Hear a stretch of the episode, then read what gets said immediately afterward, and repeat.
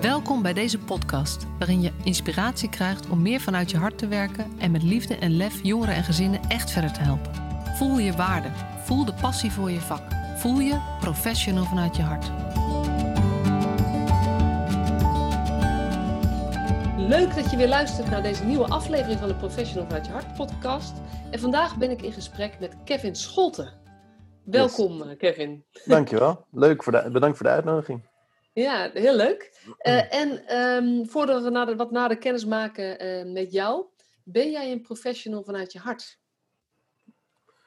Ik durf wel te zeggen van wel, ja. ja.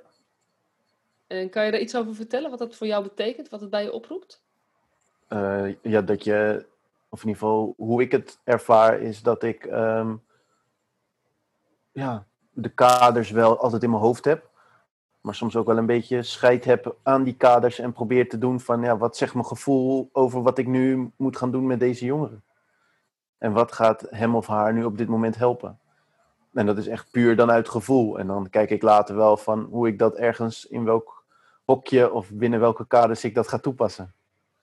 Dus je, je kan zeggen het is, het is, buiten, het is buiten de lijntjes kleuren, maar eigenlijk zeg jij ik kleur gewoon. En ik zie later wel hoe ik het lijntje eromheen pas. Ja, ja. Ja, ja, dat zeg je mooi. Ja. ja, ik denk dat het wel zoiets, ja. Je bent niet eigenlijk bezig met binnen buiten de kaders? Nee, nee, nee. Uh, ja, in mijn achterhoofd wel, omdat het altijd moet. Omdat er natuurlijk richtlijnen zijn. En vooral waar ik werk in de geslotenheid heb je gewoon echt letterlijk muren waar, waarbinnen je je werk moet doen. Maar zo creatief mogelijk zijn met de mogelijkheden die je hebt. En uh, zij zoeken, de, jongeren zoeken de grenzen op. En ik ben, ja, ik durf wel te zeggen dat ik ook een professional ben die de grenzen van mijn werk dan opzoekt. Van tot waar kan ik echt gaan, uh, zodat, het zodat ik de jongeren optimaal kan helpen. En um, ja, dat, het, dat het nog steeds veilig blijft voor alle partijen, zo. Ja, en um, jij zegt ik zoek de grenzen op. Uh, betekent dat ook door dat te doen dat je je grenzen oprekt? Niet die van mij, maar ik denk wel die van, uh, van het werk. Dat heb ik wel gezien, van dat als je het op een bepaalde manier doet en het werkt. Kijk, als het niet werkt, dan ga je op zoek naar, um, naar andere mogelijkheden. Weet je wel, van je gaat een keertje links, nou, lukt niet. Oké, nou, uh, misschien uh, een afslag bij de linkerkant, want eigenlijk ging het wel goed. Dus we gaan het kijken. Oh nee, nee, oh, oh, laten we het maar helemaal rechts doen. Dus, en ik probeer dat dan wel zo zo goed mogelijk te doen. En als het een keer werkt, dat iedereen zegt van nou, dit is wel net op het randje, maar het heeft gewerkt. Dan zullen ze me de volgende keer nog meer vertrouwen. En dan heb ik het echt over uh, ja, de, de gezinsmanagers of voogden of uh, reclasseringen, regisseurs, noem het maar op. Iedereen die van buiten naar, naar binnen komt voor de jongeren die het begeleidt, die dan wel zegt van, oh, nou ja, als ik dan zeg van, nou, ik heb het idee dat we het zo moeten doen, dan hebben ze meer het vertrouwen van, oh ja, nee, oké, want vorige keer toen Kevin het op die manier deed, toen kwam het ook goed. En uh, met die jongeren, die uh, liep het ook stabiel en goed en uh, ging die sneller door zijn traject heen. Dus ja, laten we het nu maar weer het vertrouwen geven, zo zeg. Ja. En dat voelt die jongeren dan ook zo van, oh ja, we zijn echt een team met z'n tweeën. Alleen ik moet mijn ding goed doen en dan kan ik erop vertrouwen. En dan vertrouwt de jongeren mij ook van dat Kevin ook voor mij twee stappen harder loopt als ik het dan ook maar goed doe. Want uiteindelijk moeten jongeren het doen. En ben ik daar alleen om te ondersteunen en om een team te vormen van, weet je, ik weet wel hoe die weg gaat. Dus laten we het samen doen, weet je. Als jij je best doet, zorg ik wel dat ik je er doorheen loods en um, ja, welke route het, het beste is en het beste bij jou past. En dat is een, ja, hoe zeg je dat? Een ervaring die je dan samen aangaat met die jongeren. En daar moet iedereen, daar moet iedereen op vertrouwen. Dus ja, je moet zelf ook vertrouwen dat je het, het juiste doet. Want je kan wel scheid hebben en het dan helemaal verkeerd doen. Ja, maar ja, dan ben je ook weer niet goed bezig, om het zo maar te zeggen. Dus je moet er wel kijken van op welke manier en wanneer neem ik een beetje lef, scheid. Ja, ik weet niet of, of ik dat mag zeggen, maar ja. Dat is, gewoon, zeggen, ja. dat is gewoon, dat, ja, dat is gewoon een beetje die, die manier. Gewoon een beetje lef, durf, anders dan, dan blijf je er maar tegenaan hikken van, oh nee, dit mag niet en dat kan niet en dit kan niet. Ja, maar ja, wat ga je dan doen? Want die jongeren, je hebt wel met jongeren te maken die ook de grenzen opzoeken. Dus dan kan ik niet ineens heel braaf binnen alle kaders gaan blijven en zeggen van, nee, dit kunnen we helaas niet doen. Of dit, Terwijl die jongeren wel alle grenzen opzoekt die er maar zijn. Ja. Dus dan vind ik dat je je daar ja, niet moet aanpassen, maar je moet er al van eh, bedacht zijn wat je gaat doen en met welke doelgroep je te maken hebt. En dat zeg ik ook altijd bij mensen die bij ons binnenkomen of de gastcolleges die ik geef.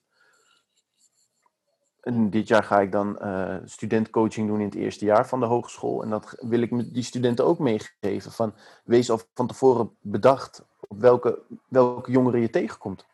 Ja, ja want uh, voordat we er verder op ingaan, jij werkt uh, binnen de gesloten jeugdzorg. Ja, klopt. Als, noem je het groepsleider daar, sociotherapeut? Wat, wat voor... groepsleiders. Ja, groepsleiders zijn we. Um, ik heb wel vorig jaar de stap gemaakt naar, uh, zo noemen we dat bij ons binnen, dat is, heet de koppelaar. En dat is iemand die overstijgt, of overstijgend is een heel raar woord, maar zo kan ik het misschien het beste benoemen, die vrijgespeeld is van alle groepen. Dus ik kan, ik ben, op een dag ben ik vrij om, om alles te doen, maar het is wel mijn taak om te zorgen en te proeven hoe de sfeer is binnen, binnen de instelling. Dus ik ga alle groepen langs. Ik ga kijken van, nou ja, weet je, bij de overdracht hoor je van, nou ja, op groep 3 is, uh, is het een beetje bijvoorbeeld onrustig. Want uh, Jantje of Pietje die uh, heeft slecht nieuws gehad vanmorgen, dus we weten niet hoe het gaat. Nou ja, dan kan ik daar even langs gaan, om, omdat ik, ja, ik heb wel met alle jongeren ken ik. En alle jongeren die kennen mij ook vaak. Dus dan heb je net een andere ingang. Kan je net eventjes een ander gesprek voeren. Of als ik binnenkom en ja, en ik ben zijn groepsleiding niet, dan kan ik bijvoorbeeld zeggen zo van, hey, wat uh, zit je boos te kijken? Wat is er aan de hand? Weet je wel? Van, uh, of, oh, ben ik vandaag niet gewenst? Dan ga ik wel weer weg. Of zullen we even een potje FIFA doen? Of zullen we dit even? Of, weet je, dus dan heb je net een andere ingang, omdat ze weten van, oh, je bent mijn groepsleiding niet en jij kan niet weten dat ik boos ben. Dus de manier waarop je vraagt waarom ik boos ben, oh ja, dan, dan kan je kijken van, hoe, hoe krijg je iemand dan weer eruit?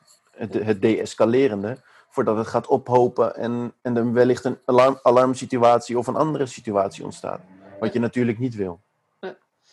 dat is een beetje mijn rol. De koppeling is in Amsterdam? Ja, klopt. Hoe, Amsterdam Zuidoost. En hoeveel groepen zijn daar? En hoe, weet je, even voor mensen die eigenlijk geen beeld hebben van. We, we ja. hebben vaak over gesloten jeugdzorg. Maar ja. eigenlijk zijn er best wel weinig mensen die daar echt binnen zijn geweest en precies weten hoe dat in elkaar zit. Dus kan je daar iets, iets over de situatie vertellen? Ja. ja, wij zijn dan ook vooral bezig om meer openheid te geven over de, de geslotenheid. Dus veel meer het woord naar buiten te brengen. En dat vind ik ook belangrijk. Um, even denken, hoeveel groepen hebben we nu? Want we zijn nu gefuseerd met, uh, met de Bascule. Dat was de, is de GGZ-kant binnen Amsterdam. En wij waren dan Spirit, dat is de jeugdzorg. Dus we zijn nu gefuseerd, we heten nu Level. Dan is het voor iedereen nu duidelijk die luistert van, oh ja, mocht ik willen googlen, dan moet ik op dat, uh, die, ja, die stichting, dat bedrijf googelen. Uh, de koppeling, we hebben nu vijf groepen binnen bij ons. En we hebben nog uh, meiden-specifieke groepen, die zitten buiten de instelling, die zitten in de stad. En dat gaat ook meer uh, wat ze willen doen. Dus meer openheid in de geslotenheid hoort hier ook bij. Want uiteindelijk willen ze ja, dus zorgen dat er minder groot instituut, om het zo maar te noemen, zoals de koppeling is. Dus dat je wel gesloten groepen hebt, uh, maar dan verdeeld in de stad. Ja. Om, om het meer uh, in de maatschappij, want we zitten nu echt, nou ja, echt tegen, de, tegen de ring aan. In Zuidoost met openbaar vervoer. Het dichtstbijzijnde is een metro en een bushalte. En dan is het alsnog bijna een kwartier lopen naar de, naar de instelling. Dus dan kan je wel zien hoe, hoe ver weg van de, van de bewoonde wereld het is. Het is ook nog, als ik aankom lopen, zie ik echt een instelling met hoge muren eromheen. Of hoe, hoe is dat bij mm, jullie? Nee, bij ons valt dat op zich nog wel mee. Als je, binnen, als je aankomt lopen, zie je wel drie uh, hoge torens. En dat, is meer, dat zijn meer de kantoren.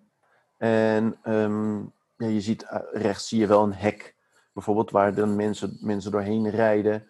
Alleen het echt afgeschermde, pas aan de zijkant, zie je wel een beetje hekken. Maar die zijn ook niet zo hoog als eerst.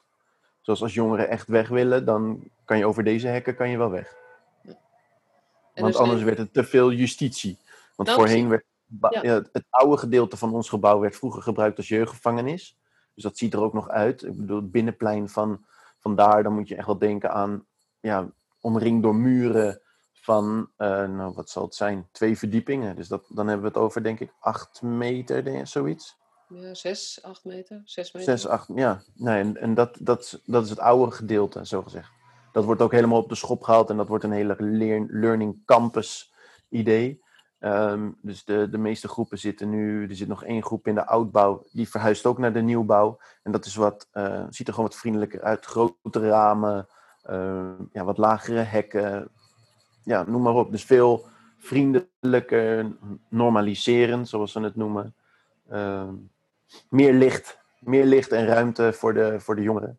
Ja. Dat, eh, En hoe, ehm, er zijn natuurlijk mensen die zijn echt nog nooit in een gesloten eh, plek geweest, misschien ook nog nooit in de Ja. jeugdgevangenis. Hoe merk je dan dat het, weet je, wat is dan het verschil tussen, tussen gesloten, je hebt ook nog besloten volgens mij, en je hebt gewoon Ja. open groepen. Waar, waar, zie je het, waar merk je het verschil? dat je bij ons niet naar buiten kan. Zonder pasje. Dus als ik bij jullie op bezoek zou komen, Ja. dan zit ik binnen, punt. En dan ben ik van Ja. jou of van een van je collega's afhankelijk om er weer uit te komen. Ja, ja. Klopt. En, waar, en zijn die groepen dan eh, onderling, kunnen die wel naar elkaar toe? Of is dat ook allemaal... Ja, nee, we zijn, eh, de groepen zit, hebben allemaal een eigen kleine tuin. Eh, om, gewoon afgezet met een, gewoon een heel laag hekje. Ja, dat kan je gewoon zien als een soort voortuin-idee. Ehm, dus zo laag zijn die hekjes ook. En met, met van die ja, gewoon deurtjes erin, waardoor je dan naar het grotere plein kan. Daar is een soort kruifkoortje is daar. Dus daar kunnen ze voetballen, basketballen. Er is tennistafel. En er is gewoon heel veel genoeg ruimte waar ze gewoon kunnen chillen. In de zomer vooral. Dan zijn bijna alle groepen op het hele grote plein met groepsleiding. Eh, dus die kunnen wel gewoon bij elkaar eh, naar binnen lopen. Of in ieder geval naar binnen lopen. Ze kunnen elkaar opzoeken als ze buiten zijn. Ja. Weet je? Soms dan wordt er wel eh, op de deur geklopt als je ergens bent. Dan is een jongen van een andere groep van... Hey, is die en die ook aanwezig? Kan die eventjes komen chillen? Of hebben jullie nu een moment dat ze even naar buiten kunnen? Of komt die voetballen? Of eh, we willen met onze groep dit gaan doen. Mag die en die even meedoen? Of, eh, dus zo, eh, zo gaat dat dan. Want dat is eigenlijk wel anders dan het een aantal jaar geleden ging, denk ik. Ja, nee, ja, Kan je iets vertellen Ja. over die veranderingen? Waarom dat is gekomen en, en hoe dat is gegaan en, en waar jullie allemaal mee bezig zijn? En wat het oplevert? ja. Vragen tegelijk, maar ik denk dan kan je een beetje... Ja, dan kan ik Jou, even- wat jou past. Ja, ja, nou ja, ik, eh, ik kan wel flink, eh flink ouwe hoeren, dus dat scheelt. Maar ehm, ja, hoe het een aantal jaar geleden was, het gewoon veel strakker.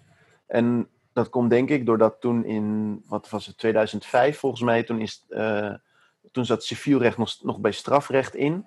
Dus toen waren de JJI's, die zaten dus vol met strafrechtjongeren. Dus nou, ik denk niet, dat is een justitiële jeugdinrichting. Dus het woord justitie, dat zegt de meeste mensen wel iets. Maar daarbinnen zaten dus ook de civiele jongeren. Eigenlijk, eigenlijk even voor, het, als je echt uit het jargon gaat, je hebt gewoon een jeugdgevangenis. Ja, een is- jeugdgevangenis. dat is en daar zaten dat is dat is een JJI. Ja, En je hebt de gesloten jeugdzorg, jeugdzorg plus. Eigenlijk Jeugdzorg plus. voor jongeren die, die het binnen de gewone jeugdzorg, ehm, eh, waar eigenlijk de jeugdzorgwerkers het niet meer redden binnen een open setting. Omdat de jongeren weglopen of te Ja. veel gevaar lopen. Dus dat civielrechtelijk zijn jongeren die geplaatst zijn vanwege hun eigen veiligheid. ja, ja. of eh, voor hun omgeving. Dus Ja. dat, dat is maar net precies hoe. Eh, en die zaten dus allemaal bij elkaar. Wel op een verschillende groep, dus niet door elkaar heen. Maar dan hadden ze binnen de eh, justitiële inrichting dus een speciale groep voor de civielrechtelijke jongeren. Nou, dat hebben ze dus weggehaald toen. Toen hebben ze gezegd, die jongeren moeten gewoon hun eigen plek hebben. Want de- deze, ja, deze manier is niet goed. Daar worden ze niet beter van, laat ik het zo zeggen. En eh, toen hebben ze eigenlijk met dezelfde methodes, methodieken bedacht van nou, we gaan het eh, elders anders doen. En toen zijn dus eh, ja, jeugdzorg instellingen gekomen. Alleen de, de manier van werken was nog ja, bijna hetzelfde. Dus heel strikt met de regels. In het begin was het zelfs ook nog, je moet met mes en vork leren eten. We eten eerst hartig en daarna zoet. Ehm, als je vragen hebt voor dit of dat, dan steek je vinger op. Of je, je hebt een speciale plek waar je gaat zitten om, eh, om je vraag te stellen. Je, ja, dus het was heel gestructureerd. Dat is een mooi woord. Ja. Ja, ja. En eh, ehm, ja, daar zijn ze meer van afgestapt. Zo van, nou ja.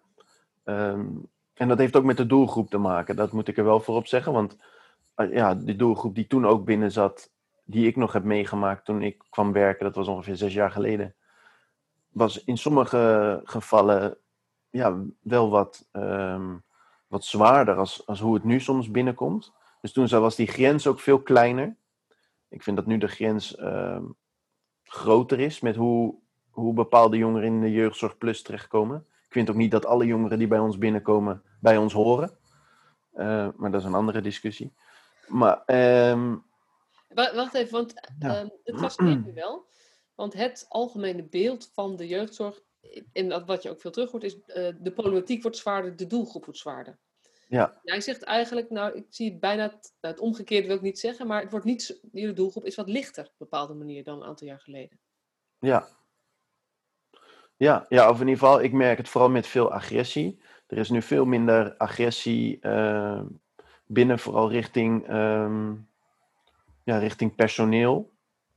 Bij ons dan, hè? dus ik, ik wil niet voor iedereen spreken, maar wat ik zie bij ons, um, is, er, uh, is, dat, is dat wel flink afgenomen de afgelopen jaren. En ja, dat, dat, dat fascineert mij dan ook, want heeft dat te maken met een andere doelgroep of heeft dat te maken met een andere insteek, andere houding, andere benadering, andere methodiek vanuit uh, de medewerkers? Ja, ik denk dat het, ik denk dat het, dat het, samen, dat het samen ligt. Dat het samenhangt met elkaar. Want uh, we zijn ook heel anders gaan werken. We hebben een transformatie uh, doorgemaakt met z'n allen. We zijn dus niet meer gaan separeren. Dat, dat doen we nu al. even denken. Ik denk, denk al bijna twee jaar niet meer. Anderhalf. Sowieso anderhalf jaar. En, en wat is separeren? Tegen... Separeren is ja, een separeercel, een isoleercel. Dat kent iedereen denk ik wel van een, van een film. Dat is gewoon een hele grote betonnen ruimte met minimaal licht, uh, een stalen wc die niet uit zichzelf doorspoelt, uh, 24 uur camerabewaking in de cel, uh, een klein plastic matras en het kan zijn dat er dan ook nog dekens liggen waar dus iemand ingewikkeld kan worden om dus uh, rustig te worden, rustig te blijven. En dat dan is heb ik het nu even snel en een hele grote stalen deur. Meubilair wat vast zit aan de grond meestal? Ja, of geen, wat ik net zeg, me, meestal geen, geen meubilair. Ja. ja. oh ja, dat is zo, ja. En de, dit is even voor de helderheid, dit is wat jullie dus niet meer doen, maar wat je nee. vijf jaar geleden nog wel had op de koppeling. Ja, zeker. Ja. En zeker. je vertelt, ja, jullie doen dat niet meer sinds een jaar of nee. twee? Ja. Nee, eerst zijn we gewoon, hebben we gezegd met z'n allen van, uh, we doen het niet meer. We hebben hem nog wel, maar we doen het niet meer. En toen kwamen we er later achter van, oké, ja, maar waarom is het dan nog nodig dat we hem hebben? En toen is die een soort van feestelijk uh, gesloten. Dus met iedereen, uh, de jongeren die mochten, het, uh, mochten de deuren met van die ja, keep-out stickers beplakken en linten eromheen en noem maar op. Dus dat, ja, dat was wel een, ja, een leuke gewaarwording, ook voor jongeren. En toen zelfs, dat moet ik er wel bij zeggen, toen zaten de jongeren bij ons binnen en die zeiden zo van, oh wauw, ik ben hier echt nog nooit geweest. Dus dat was voor ons ook wel een eye-opener van, ja zie je, we doen het al zo lang niet meer, dat jongeren die al verder in hun traject zitten, die gewoon hun ogen uitkeken van, ik ben in dit gedeelte van het gebouw überhaupt nog nooit geweest. Dus dat is wel, uh, ja, dat, dat was ook wel goed om te horen. Dat je ziet van, ja, zie, we, we, doen, het, we doen het goed. En ze, ze wisten niet, eigenlijk niet eens van de plek af dat het bestond. Dus uh, ja, dat is alleen maar voor het personeel uh, binnen, binnen onze organisatie, denk ik, alleen maar een compliment. En, um, want je zegt, we doen niet meer. Hoe, zijn, hoe gaan jullie nu? Want het is met name voor situaties waarin jongeren een bedreiging vormen voor zichzelf ja. of voor anderen. Dus, dus ja. vaak bij agressie. En je vertelt, er is minder agressie. Dus eigenlijk logischerwijs heb je de separering ook minder nodig. Ik snap dat ja. dat met elkaar samenhangt. Wat is nu jullie, uh, want het zal wel voorkomen, wat doen jullie nu ja. bij zulke soort, uh, ja, het zijn toch crisis? Uh, crisis, ja. Ja, en crisis bestrijd je met crisis. Dus dan is het bij ons ook heel snel schakelen en heel creatief denken. Vandaar dat ook bijvoorbeeld wij, de, de rol die ik heb, die is er ook al vijf, zes jaar. Um, dus mijn voorgangers die daar, die hebben daar ook veel in gedaan. Door, um, ja, doordat je altijd een vrij poppetje hebt, dus je kan altijd schuiven.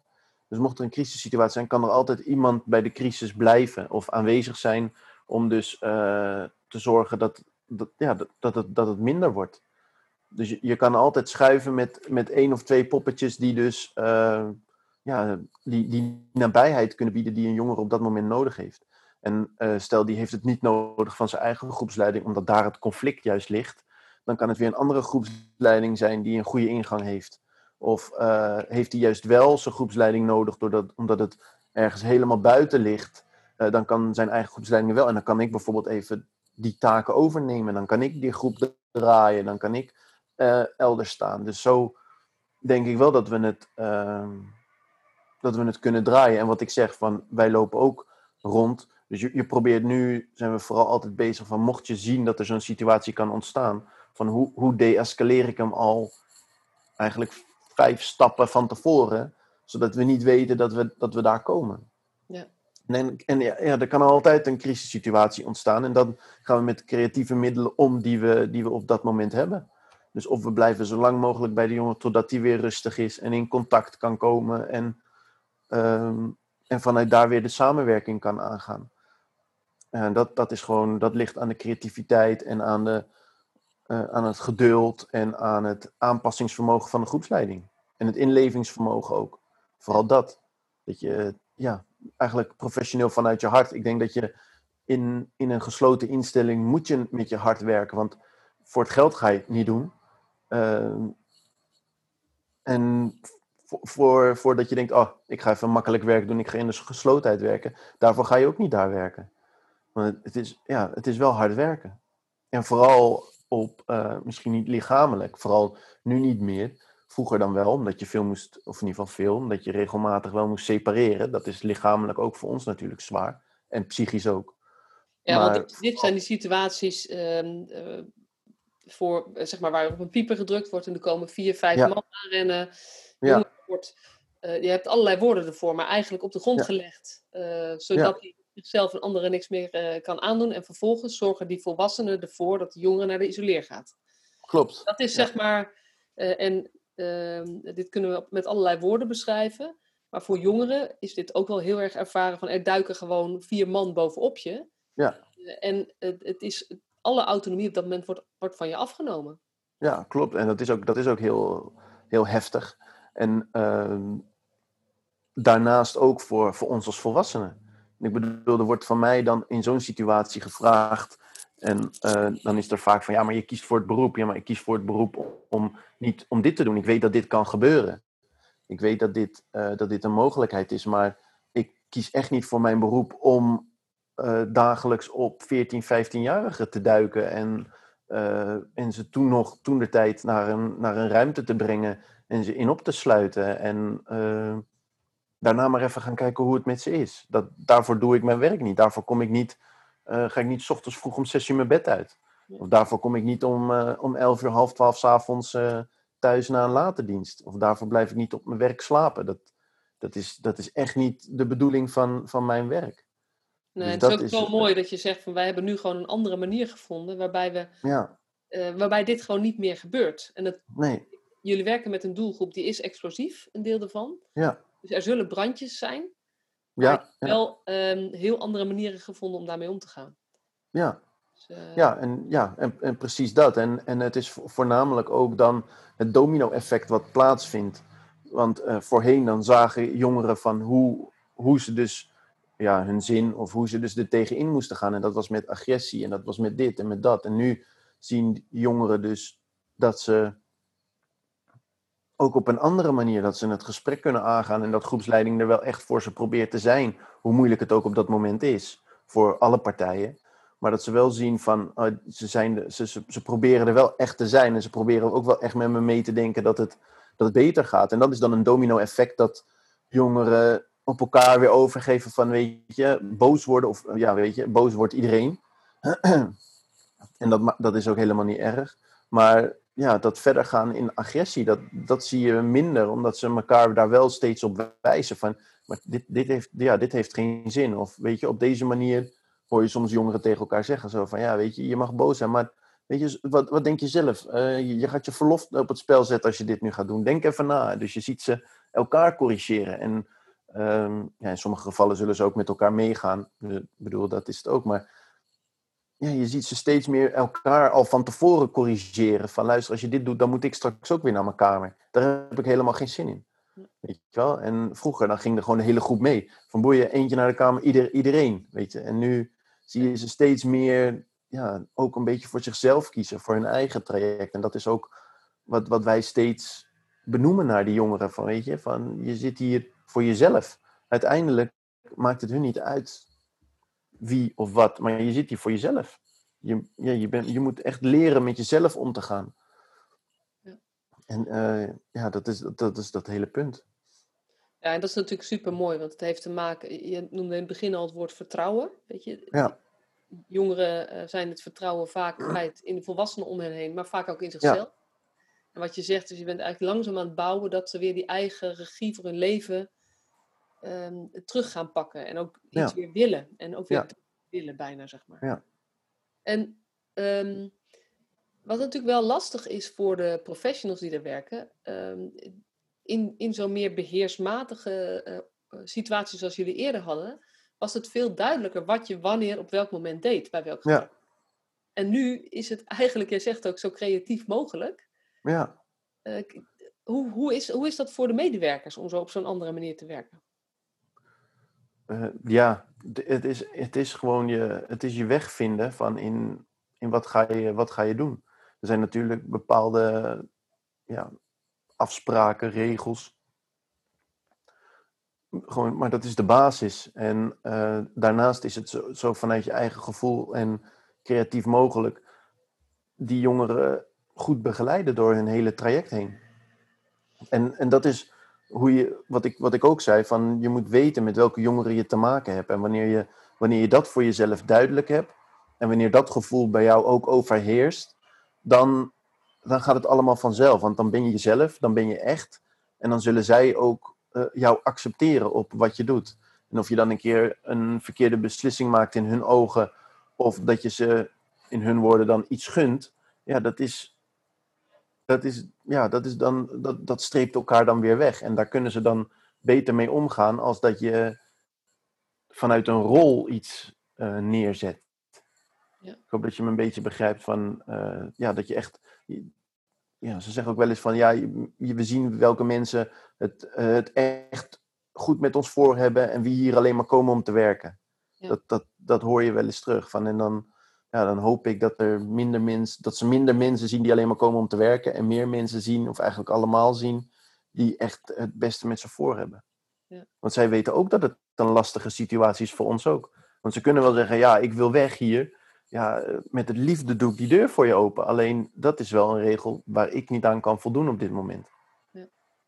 Je zegt het heel mooi. Ik ga op een paar dingen in, maar ik ja. moet even mijn adapter halen. Want ik ben vergeten om de, mijn computer helemaal op te laden. Oh, is goed.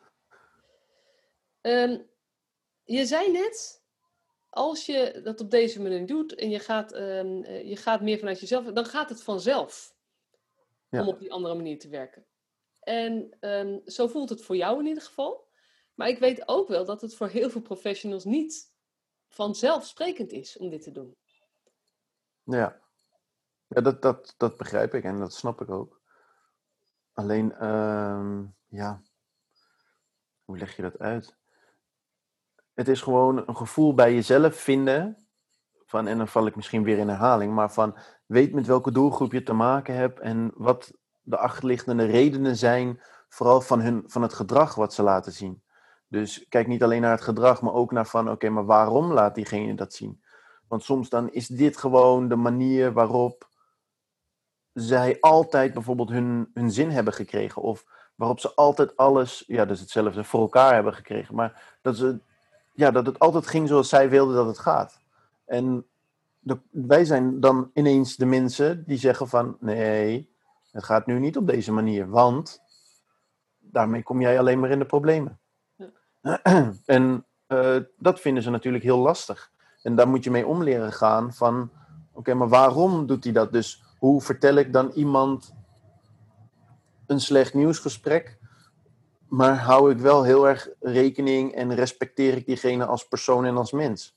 Want het zijn gewoon, het zijn gewoon jongeren, weet je. Het zijn gewoon 15, 16-jarigen. En wat ik net ook zei, van ik kom niet naar mijn werk elke dag om om erop te duiken, om met ze te worstelen, om ze vast te moeten pakken, omdat ze, weet je wel, kijk, als ze boos of verdrietig of noem maar op zijn en, en het moet even, dan moet het. En dat weten zij ook. En dan kan je daarna gewoon weer, maar ja, ik heb genoeg dingen meegemaakt die bij mij ook een indruk hebben achtergelaten, waarvan ik denk, ja, dit had niet gehoeven.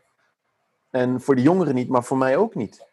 Ehm, want zo, zo schaadt je alleen maar een beetje de band tussen, tussen jongeren en, en groepsleiding. En, en je hoeft natuurlijk niet. Dat, want je zegt, je moet gewoon zo'n gevoel bij jezelf vinden. Hoe heb jij dat geleerd? Ja. Hoe is dat bij jou gegaan? Ja, ja ik, ik had al heel vaak uh, vanuit jongs af aan uh, jeugdzorg ook van dichtbij meegemaakt en gezien hoe bepaalde dingen lopen. En uh, ik begon in de, in de sport. En ja, dan gaf ik ook altijd al les in, in buurten um, waar, waar ze het niet heel breed hadden. dus waar je eigenlijk als, ja, als sportdocent in de buurt ja, het enige was wat ze dan hadden, bijvoorbeeld, weet je wel, in de zomervakantie. Want ze konden niet op vakantie en dan, uh, ja, dat ze daar zijn. Dus je ziet, ik, ik was altijd al bezig met hele, uh, ja, met alle culturen en alle, alle sociale, hoe zeg je dat, niveaus van de hele gemeenschap. En dat probeerde ik altijd zo goed mogelijk te managen. Want ik denk zo van, ja, maar iedereen die heeft gewoon het recht om, om gewoon toen de tijd gewoon zo leuk mogelijk te sporten. En of, of je nou wel op vakantie kan gaan of niet. Weet je, iedereen is welkom. En dat, dat, dat, dat zie ik dus in de. En ik vind dat het in de gesloten jeugdzorg ook zo is. Van, weet je, we zijn eigenlijk het eindstation. Voor, voor veel, of in ieder geval. Je hoopt dat je een soort tussenstation bent. En dat ze dan weer gewoon uh, de andere kant op gaan. Net zoals bijvoorbeeld. Uh, nou ja, Centraal Station in Den Haag. Je kan niet verder. Dus het is een eindstation. Maar de trein gaat altijd wel weer de andere kant op. En dat hoop ik dat wij dat ook een beetje zijn. Van oké, we zijn een eindstation. Maar laten we proberen dan met z'n allen te zorgen dat we ze zo kunnen draaien. Dat ze de andere kant weer op gaan en gewoon weer naar buiten gaan. Want bij Den Haag ben je ook aan het einde van Nederland, om het zo maar te zeggen. Want ja, verder kan je ook niet.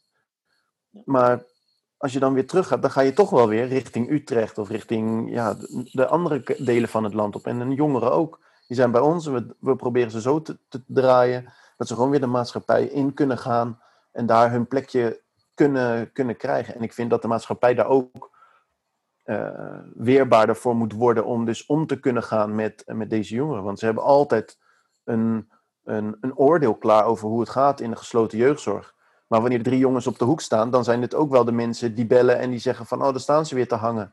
Weet je wel? Dus het, ja, het is wel een wisselwerking, vind ik, van hoe we, hoe we het met elkaar gaan doen. En dat is dat gevoel wat je moet krijgen. En dat is, ja, dat is voor ons heel belangrijk, maar daarnaast ook voor de maatschappij. Ja, ja en ik zit nu ook te denken um, wat het effect is van een, je, überhaupt een jeugdzorgdossier hebben. Maar als je een jeugdzorgdossier hebt waar ook nog in staat dat je in geslotenheid hebt gezeten. Ja, ja. Hoe er naar je gekeken wordt van de, van de buitenwereld. En zelfs, het zelfs binnen jeugdzorg is er dan al heel veel wordt afgesloten, ja. dan, ben je, dan ben je stempel te zwaar.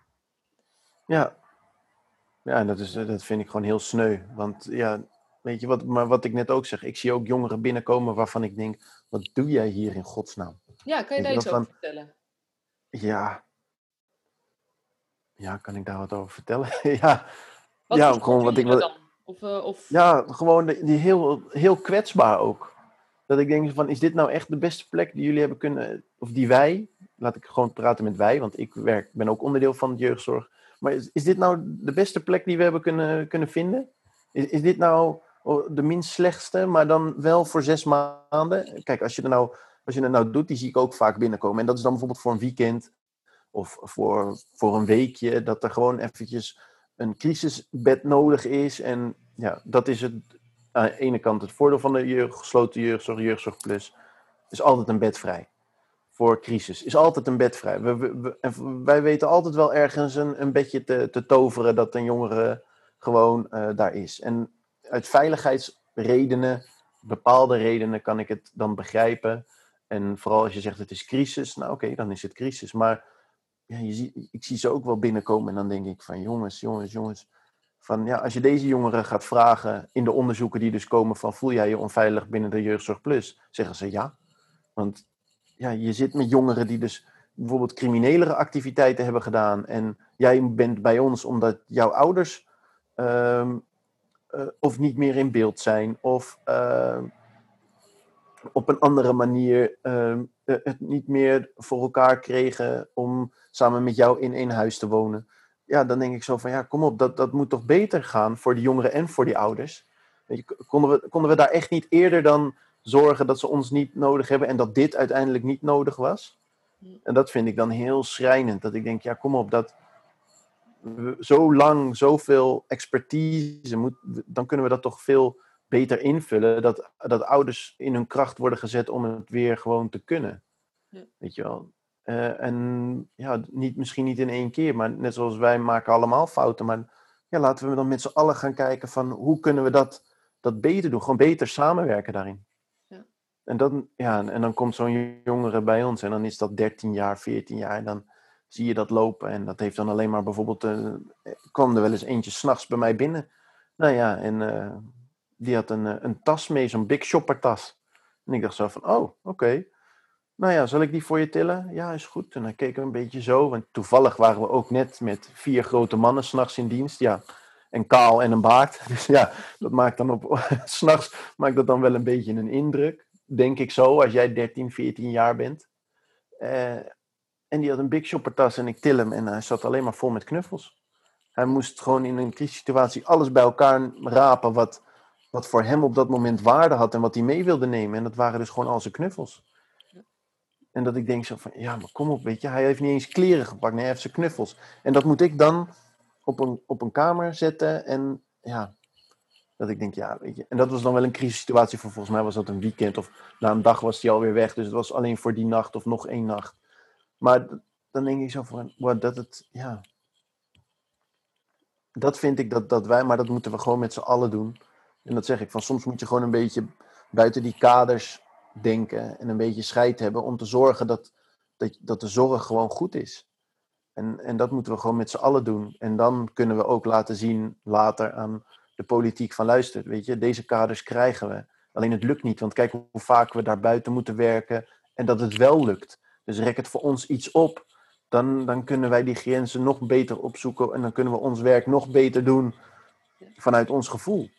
In plaats van dat we overal tegenaan lopen. Ja. Want er zijn ook mensen. Uh, ja, ja, je hebt eigenlijk soort twee, twee bewegingen. Want het ene is, is um, uh, het, het signaal richting de politiek en richting um, uh, de organisaties, om maar heel erg algemeen te houden.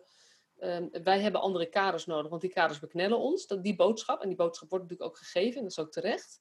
Ja. Zegt, ja maar laat je niet tegenhouden tot die tijd. Ga nee. gewoon dingen doen, want daarmee rek je de kaders op. Precies, ja. En dan laat, dan laat je juist zien dat, het, dat dus die, die bewegingsvrijheid nodig is. Ja. En ik bedoel, van, en voor zorg, ja, ik bedoel, ja, klinkt natuurlijk wel weer grappig, maar de zorg is altijd al het zorgenkindje van het land. Elk, elke vorm van zorg heeft of financiële problemen. Want een paar jaar geleden al die ziekenhuizen die omvielen door financiële problemen. Uh, bepaalde GGZ-instellingen, jeugdzorg is al jaren ook uh, kind van de rekening, letterlijk het kind van de rekening. Dus ja, we moeten daar toch met z'n allen wat doen. En dan denk ik van, nou, dan moeten wij, dan moeten wij het maar gewoon gaan doen met z'n allen. Gewoon laten zien wij, dan... Wij professionals? Wij professionals gewoon laten zien van, weet je, van ik doe dit met de juiste intenties, met, met de juiste bedoelingen, met, gewoon met mijn hart.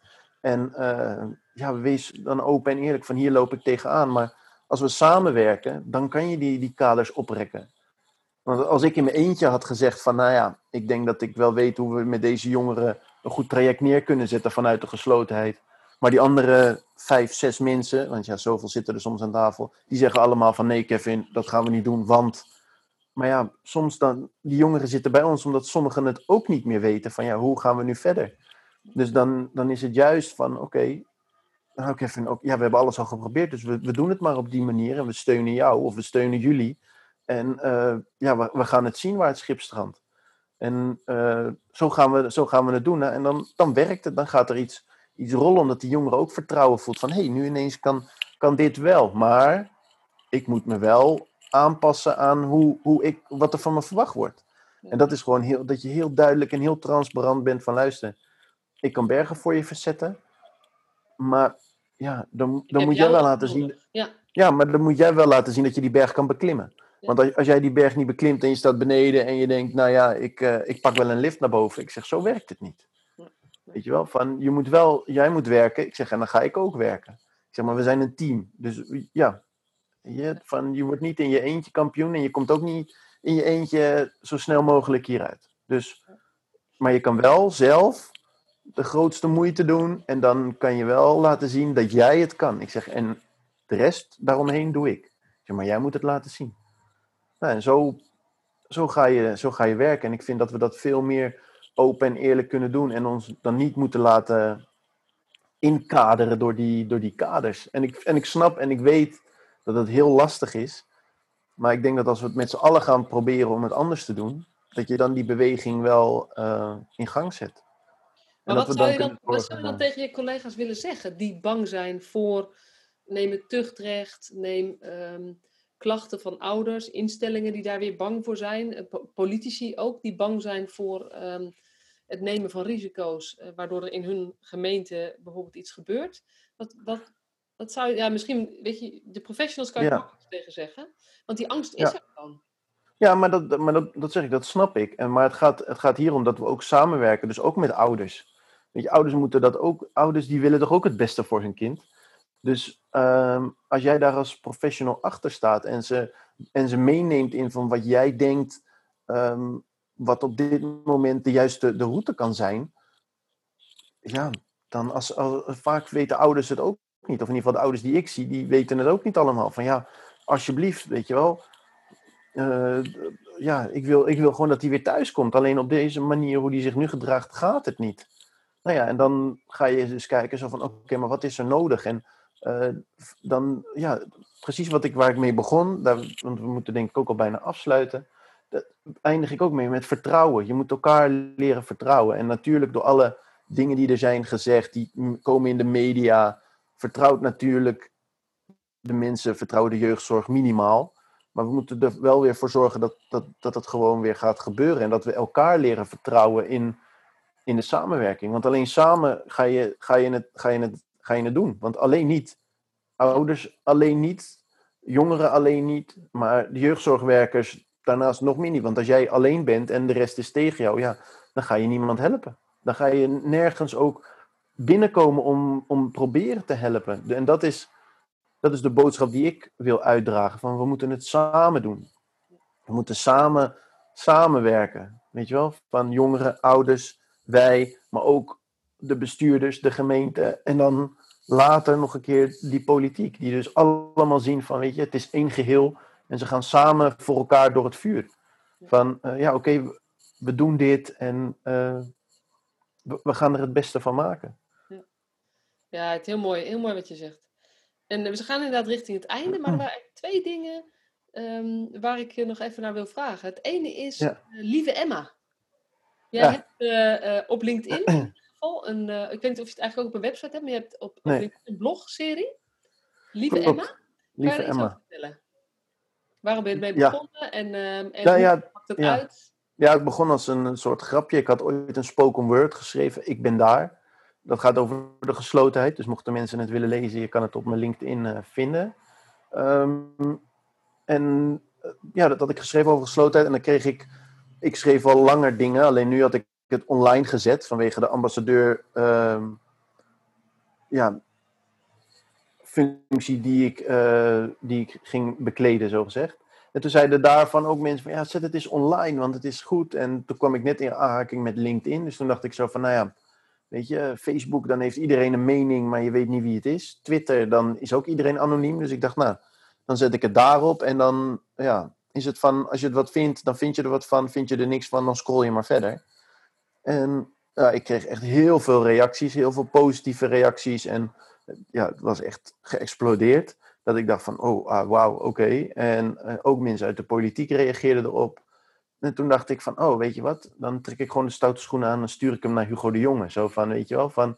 ehm, er zijn ook positieve geluiden. En kijk, kijk hier eens naar, weet je. Meer een soort vrijbrief van... eh, om, om ook samen te werken. Zo van, misschien kunnen, kan je mij gebruiken als brug tussen alle partijen in, want zo wil ik me als ambassadeur ook opstellen.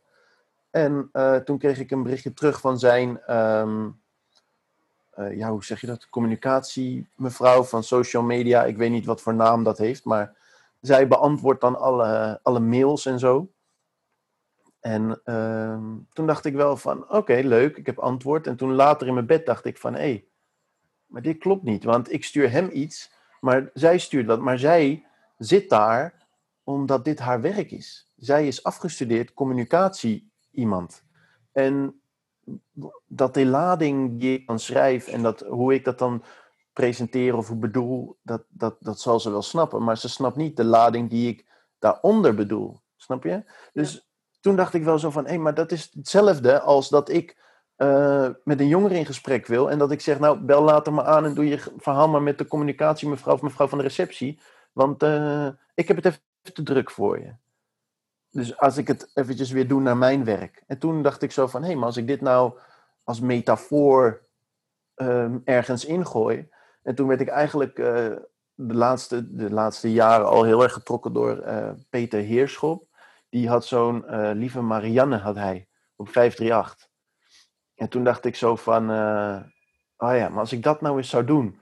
En toen dacht ik van, oh ja, maar ja, diegene die mij dat berichtje stuurde, die moet ik dan wel, daar kwam mijn vriendin dan mee, van ja, die moet je wel anonimiseren, want misschien wil ze dat helemaal niet. Toen dacht ik van, nee, klopt. En toen zat ik te denken aan van, oké, wat is een naam? Wat is een, een lieve naam? Wat is een... Toen was ik zomaar, we op Emma gekomen en ja, nu ben ik al anderhalf jaar aan het schrijven. Ben ik bij nummer 12. Nummer 13 zit nu wel in mijn hoofd, bijna op papier. Maar ja, dat, dat, zo, zo is het gekomen. Zo is het de eerste keer gekomen. En toen kreeg ik berichtjes van, wauw, wat goed. En uh, weet je, ik voel me echt hierdoor, uh, is, dit is precies het gevoel wat ik heb. En uh, jij schrijft het op. En zo kwam het dat ik in het begin dacht van, wow, wat moet ik, wat moet ik hiermee aan? Want dit is te veel voor mij. Weet je, ik, ja, ik schrijf het gewoon. Uh, en daar ben ik mee doorgegaan. En nu krijg ik dus berichtjes van, wanneer komt de volgende? Want het is al een tijdje stil. En de vorige had ik geschreven zo van, nou ja, met echt een beetje mijn verhaal van hoe het bij mij vroeger is gegaan. En um, van ja, dit is misschien wel de laatste, want Hugo de Jonge die gaat, die is lijsttrekker. Dus het kan zomaar zijn dat die verdwijnt. Verdwijn jij dan ook, weet je wel? Dan zullen mijn brieven misschien ook wel verdwijnen. Of gaat het naar iemand anders aan? Toen kreeg ik gewoon echt van mensen berichtjes van, uh, van nou, ik hoop echt niet dat je stopt, weet je wel? Van, of ik hoop niet dat dit stopt, want dit is toch altijd wel even leuk om, om te, te lezen of om, om even kracht uit te halen. Dat ik denk van, nou oké, dan, dan, ja, dan, ik ga wel door, maar ja, je weet het niet. Nee, en hoe, hoe lang het zijn kracht ook nog houdt. Precies. Het is niet een groot masterplan, maar het is eigenlijk iets wat ook vanuit jouw creativiteit en vanuit ja. wie jij bent gewoon komt. En uh, het, het blijkt het woorden te geven aan iets wat heel veel mensen voelen. Ja. En dat is natuurlijk de ja. kracht ook van, blogs überhaupt of van, uh, of van zo'n podcast, zeg maar. Weet je, dit is ook waarom ik mijn ja. podcast maak. Niet omdat ik of met de mensen met wie ik spreek de enige zijn die hierover nadenken, maar wij, door erover te praten, helpen we soms anderen ook om woorden te vinden voor wat ze eigenlijk ja. zien, voelen of doen. Ja. Zeg maar. Dat is mooi. Uh, Precies, ja. Mooi, ja. Hey, en het, het tweede is, je zei net al eventjes, ik ben daar. Dat was de, de titel van je eerste soort van blog. Begrijp ja, ja, spoken word was het. Ja, spoken word, ja, word. ja. ja. Maar dat heeft ook een hele andere betekenis. Of een andere, andere vorm gekregen inmiddels. Ja, ja, in de vorm van een bandje, groen bandje. Mensen hebben het vast wel voorbij zien komen. En daar staat het dan ook, ik ben daar. En dat is gewoon in algemene zin bedoeld van dat je daarmee laat zien dat je daar bent. En dat kwam meer voort uit, um, ja, hoe kunnen, want ik was gevraagd van, want je hebt altijd de dag van de professional. Die zal ook in september zijn, maar door corona is die uh, ja, uh, gecanceld. Toen was er al gevraagd, Kev, kan je niet even iets creatiefs bedenken, iets leuks? Hoe iedereen op die dag uh, ja, eenheid voelt, weet je? Want dat is een beetje weg in de jeugdzorg. Ik bedoel, kijk maar naar de hoeveelheid uitstroom die er is. En uh, toen dacht ik wel van, oh ja, wat voor eenheid, hoe kunnen we eenheid? Dus nou, dan gaat het van het ene naar het ander. En toen dacht, kwam ik ineens op die bandjes. Toen dacht ik zo van, ja, vroeger liep iedereen daarmee met van Lance Armstrong. Van, een polsbandje is het, Een polsbandje. Het is een ja. groen siliconen polsbandje. En toen dacht ik van iedereen die liep daarmee, maar daarmee liet je wel zien van oké, ik heb het gekocht. En op een gegeven moment werd het een soort mode-accessoire. Maar in het begin was het heel erg bedoeld van oké, ik koop dit. En dit, dit laat zien dat ik dus uh, voorstander ben van alle onderzoeken die tegen kanker zijn. En hiermee sponsor ik eigenlijk, want de opbrengst ging ook naar het, uh, het kankerfonds of naar het Lance Armstrong uh, fonds, van, die onderzoek deed naar kanker. En daarmee liet je dat ook zien. Dus ik dacht zo van, nou, als we dit nou zo kunnen doen, dat iedereen die zo'n bandje draagt laat zien van, ik ben voor een, voor een betere jeugdzorg. En dat iedereen die kan het dragen, uh, de ouders, de jongeren, de personeel, bestuurders, politiek, noem maar op, iedereen die ook maar iets met jeugdzorg heeft, of misschien je buurman die vindt dat jij goed werk doet, ook al weet hij niet wat de geslotenheid is, maar je denkt, Kev, je doet goed werk, ik wil ook zo'n bandje omdat ik jou steun, dat kan natuurlijk ook. En, en daarvoor, daar is het voor bedoeld, om gewoon die eenheid te creëren binnen, weer binnen jeugdzorg, dat gevoel van, oké, okay, samen staan we sterk. En dat je dan ook ziet van, oké, okay, die draagt zo'n bandje, dus ik, ik kan ervan uitgaan dat die het doet met... Uh, met gevoel, met, uh, ja. ja. met dat gevoel voor het werk, met het gevoel voor die kinderen, voor die ouders, voor, voor iedereen. Ja. Om, om, ja, om te zorgen dat het gewoon weer beter gaat. En dat uiteindelijk die kinderen en die ouders ons niet meer nodig hebben, want dat is het hele doel van ons werk. Wij komen binnen en uiteindelijk hopen we, en dat hoop ik ook, ik hoop altijd dat ik jongeren naar buiten ga en als ze weggaan, dan zeg ik ook, ik hoop je hier binnen niet meer te zien. Weet je wel? Het is een heel gek tot ziens als je dat zegt, maar daarmee hoop je, hoop je wel van, ik hoop je ook niet meer binnen te zien, want dat is niet wat ik je wens. Nee. Dus dat is, uh, en dat is ook zo met, uh, ja, met ouders, weet je. je. Je neemt dan afscheid, je hoopt eigenlijk die ouders niet meer te hoeven treffen, dat het gewoon, dat het gewoon goed gaat en dat, dat, dat ze gewoon die kracht hebben om, om het gewoon samen te doen, want zo hoort het. Ja. Weet je wel, iedereen hoort dat en zo veilig en zo goed mogelijk op te groeien. Ja, het is echt heel mooi. En het, is, het sluit ook zo aan bij wat ik met dat professional van je, vanuit je hart beoog. Precies, zeg maar. ja. Dat is heel ja. grappig, want wij kenden ook, we hebben elkaar een paar weken geleden voor het eerst gesproken. Ja. Uh, en wij kenden elkaar ook niet, maar we zijn eigenlijk de woorden eenheid, vertrouwen, samen staan we sterk, laten we het gewoon naar doen. Uh, ja. Met lef buiten de lijntjes kleuren, waarbij je eigenlijk zegt, je moet helemaal niet naar de lijntjes kijken, je moet alleen maar kijken wat het kind nodig heeft. Ja. Um, en, en zo maken we de wereld gewoon mooier. Zo maken we de jeugdzorg ja. mooier. Dat is echt heel tof. Ja. En, en, als symbool heb jij, heb jij die bandjes. En zijn die, zijn die nog te bestellen? Ja, ja nog steeds. Nog steeds. Via uh, website van de BPSW. De dus als mensen even kijken, ja, ja de beroepsvereniging. Um, ja, ze zijn 3,50 per stuk. En um, ja, er is, is, geen winstoogmerk. Ik bedoel, dat, uh, dat vroegen mensen ook van, ja, dit...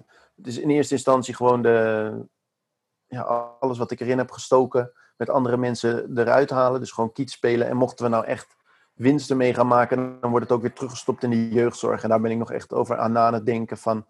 Um, want ja, het is nu weer door de, door de zomer is het een beetje gestagneerd. Dus ik hoop dat het nu weer even een boost krijgt. Vooral door deze podcast. Dat ineens nu iedereen. Oh ja!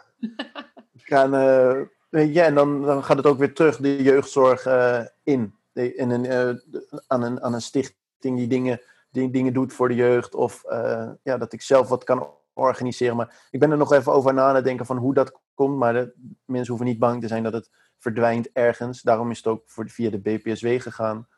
Uh, een beroepsvereniging die, die heeft ook geen winstoogmerk. Dus die, weet je, het staat daar en het, wordt, het moet weer terug. Want anders dan uh, ja, krijg je de Belastingdienst ook achter je aan. Dus het moet, als er zoveel winst gemaakt wordt met die verkoop van de bandjes, dan dan gaat het ook echt weer de jeugdzorg terug in. En direct dat kinderen en ouders het, het, het zien of, uh, of voelen. Ja, en wat je in ieder geval hoopt is, um, uh, weet je, het bandje staat eigenlijk symbool voor wat je eigenlijk in deze hele ja. podcast zegt. Laten we alsjeblieft elkaar opzoeken. Laten we zoeken hoe Precies. we samen het verschil kunnen maken. Ja. En het mooie vind ik ook, het is niet uh, samen alleen de koppeling. Maar je begon al met uh, samen en dan noemde je eventjes alle functies die wel eens daar aan tafel zitten. Maar het ja. gaat eigenlijk over alle jeugdzorgwerkers, maar ook met jongeren en ook met ouders. Uh, alleen zo kunnen we de situatie echt beter maken. Zeker, zeker. Anders, anders, anders blijven we zo doorkabbelen zoals nu en dat, daar wordt niemand beter van. Nou, helemaal eens. En uh, dankjewel voor dit mooie gesprek. Ja, jij bedankt voor de uitnodiging. Superleuk dat je weer luisterde naar deze podcast. Dankjewel. Nog even kort een paar belangrijke dingen. Ten eerste, het is mijn missie dat de jeugdhulp weer een sector wordt waarin bevlogen, liefdevolle professionals jongeren en gezinnen echt verder helpen. Daarom maak ik deze podcast voor jou. Wil jij deel uitmaken van deze beweging van Professional vanuit je hart, waarin professionals elkaar steeds opnieuw inspireren? Begin dan met het lezen van mijn boek. Je kunt de eerste hoofdstukken helemaal gratis lezen. Ga naar professionalvanuitjehart.nl/slash boek. Ten tweede, wil je alle podcastafleveringen overzichtelijk onder elkaar? Abonneer je dan op deze podcast. Klik in je podcast-app op de button subscribe of abonneren. En elke keer als er een nieuwe podcastaflevering gepubliceerd wordt, ontvang je automatisch een berichtje. Ten derde, ondersteun je mijn missie? Geef me dan een review via je podcast-app, bijvoorbeeld iTunes of Spotify. Op die manier kan ik nog meer professionals bereiken. En ken je een collega voor wie deze podcast ook interessant is? Dan zou het super zijn als je hem of haar de podcastaflevering doorstuurt. Bijvoorbeeld door de link te kopiëren via Spotify. Ik vind het altijd heel leuk om berichtjes te ontvangen van luisteraars om te horen wat je van een podcast vindt, of als je misschien vragen of suggesties hebt. Of als een aflevering je een bepaald inzicht heeft gegeven of er iets in beweging is gekomen. Stuur me dan even een berichtje op masha.professionalvanuitjehart.nl via de website of stuur me een connectieverzoek op LinkedIn.